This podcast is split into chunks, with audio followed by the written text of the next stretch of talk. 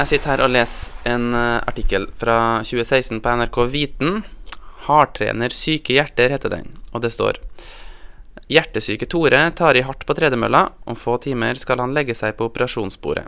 Det er kanskje ikke i relativt hard fysisk aktivitet på tredemølle du ser for deg hjertepasienter rett før de skal på operasjonsbordet, men det er nettopp dette forskerne har prøvd ut ved St. Olavs hospital. Målet er å gjøre slike operasjoner sikrere og bedre. Og nå så er omsider studien ferdig, og alle data er analysert. Og Benedikte, hva har dere funnet ut? Beskytte trening, hjerte, trening for operasjon hjerte? Det enkle svaret basert på det vi har funnet, det er jo da nei, da. Vi så ikke at det, det den treningsintervensjonen vår beskytta hjertet. Og det så til og med ut som at trening kanskje kunne være litt skadelig for hjertet eh, direkte før operasjonen. da. Du hører nå på andre episode av Serg-podkasten, podkasten til Cardiac Exercise Research Group ved NTNU i Trondheim. I dag har vi med oss Benedikte Smenes, som har gjennomført et forskningsprosjekt hos oss som en del av medisinstudiet. Du må fortelle meg litt om hvorfor dere trodde at uh, trening før operasjon skulle beskytte hjertet. Altså, For å ta litt det først, da, så er det jo sånn at uh, når man uh, skal utføre en hjerteoperasjon, så er man avhengig av at hjertet blir stansa en kort periode, og det blir da liggende uten blodforsyning. Og i den perioden så kan hjertet bli påført litt skade, da. det som kalles for iskjemi-reperfusjonsskade.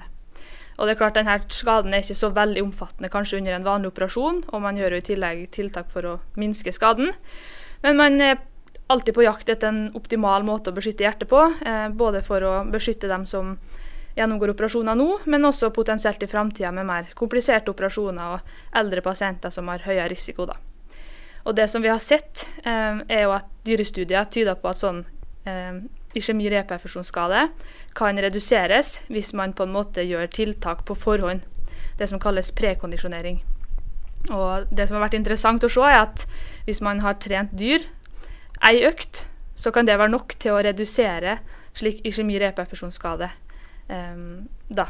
Mm. Så det funker på, på, dyr, med andre ord, men ikke på mennesker, ser det ut som? Det har sett ut som det funka på dyr, ja. Og da syns vi det var eh, riktig å gå videre og se om det kunne også beskytte mennesker, da. Mm. Hvilke pasienter er det dere har hatt med i denne studien, her, og hva slags trening er det de har eh, gjennomført? Vi eh, inkluderte pasienter som skulle gjennomføre den vanligste typen for hjerteoperasjon, såkalt koronar bypass-kirurgi. Eh, vi så litt på pasienter som kunne være aktuelle eh, ut ifra at de var i grei form, at de kunne være i stand til å utføre en treningsøkt. Og så, og så inviterte vi dem til å være med i denne studien. Og da gjorde vi det sånn at eh, 20 pasienter ble inkludert. Ti av dem gjennomførte ei treningsøkt på tredemølle av en halvtimes varighet, opp til en moderat intensitet, egentlig, da. Og det ble hele tida monitorert av, av lege, som så at kroppen takla belastninga greit.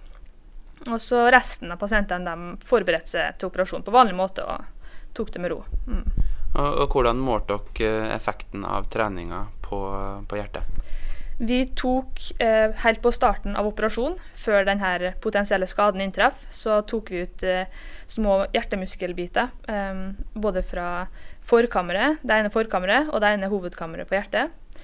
Og så tok vi et nytt sett av eh, sånne småbiter helt på slutten av operasjonen, altså når denne potensielle skaden har inntruffet. De her bitene tok vi med oss på laben og så på hvordan cellene evner å på en måte produsere energi, som er en veldig viktig egenskap å, å beskytte og beholde i hjertecellene. Eh, det som kalles mitokondrierespirasjon.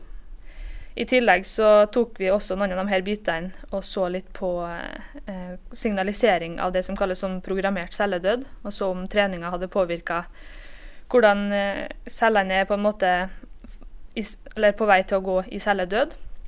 Og så tok vi selvfølgelig også litt blodprøver underveis og så litt på forskjellige skademarkører i blodet, da, både før og etter operasjon.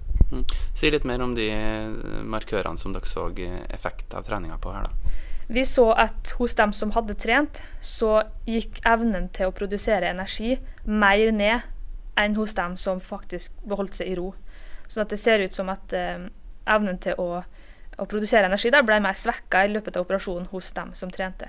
I tillegg så, så vi også at det var en sånn eh, sånn eh, gen, et gen som var mer oppregulert eh, hos dem som hadde trent også, eh, som da er et gen som, som er med i sånn programmert celledød. Så vi spekulerer jo om det betyr at kanskje hjertet hos dem som hadde trent, var mer sårbart for å, for å gå gjennom sånn programmert celledød. da.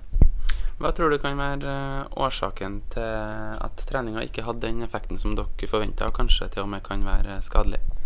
Det er selvfølgelig ikke rett frem kanskje å sammenligne dyr med mennesker, både med tanke på at uh, de pasientene vi hadde med, er jo pasienter med koronarsykdom, hjertesykdom, som også kanskje har andre ting som spiller inn på andre måter enn hos dyr. Um, I tillegg så er det jo sånn at hos mennesker så foregår jo de prosessene i kroppen kanskje på en annen hastighet enn det foregår hos dyr. Så det kan jo være at denne treningsøkta vår var tima feil, eller at den var, den var for uh, for intensiv, f.eks.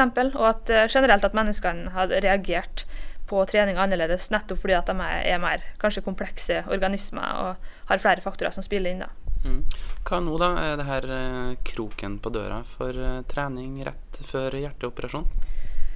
Um, det vil det nok ikke gå så langt som å si. Um, akkurat denne typen trening som vi igangsatte, den um, er nok kanskje ikke å anbefale før, før operasjon, slik den er nå.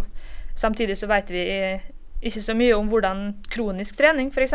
påvirker eh, risikoen for skade under operasjon. Eh, og heller ikke hvordan på en måte kondisjonsnivå og hvordan folk har trent på forhånd eh, kan være med på å påvirke resultatet av operasjon. Eh, og det er det vi har starta å forske videre på nå, eh, og ønsker å sammenligne eh, folk sine treningsvaner med hvordan det går etter operasjon. Da. Nettopp for å se om, om, andre typer trening og litt mer sånn langvarig og, og kronisk trening kan, kan, ha andre effekter enn den enkle treningsøkta som vi satte i gang dagen før operasjon.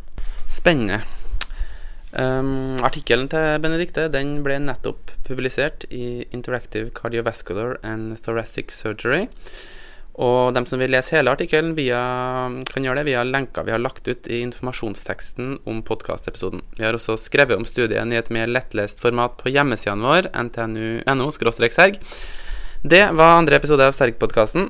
Takk for at du hørte på, og takk til Benedicte Smenes, som har fortalt om forskninga si i dagens eh, episode.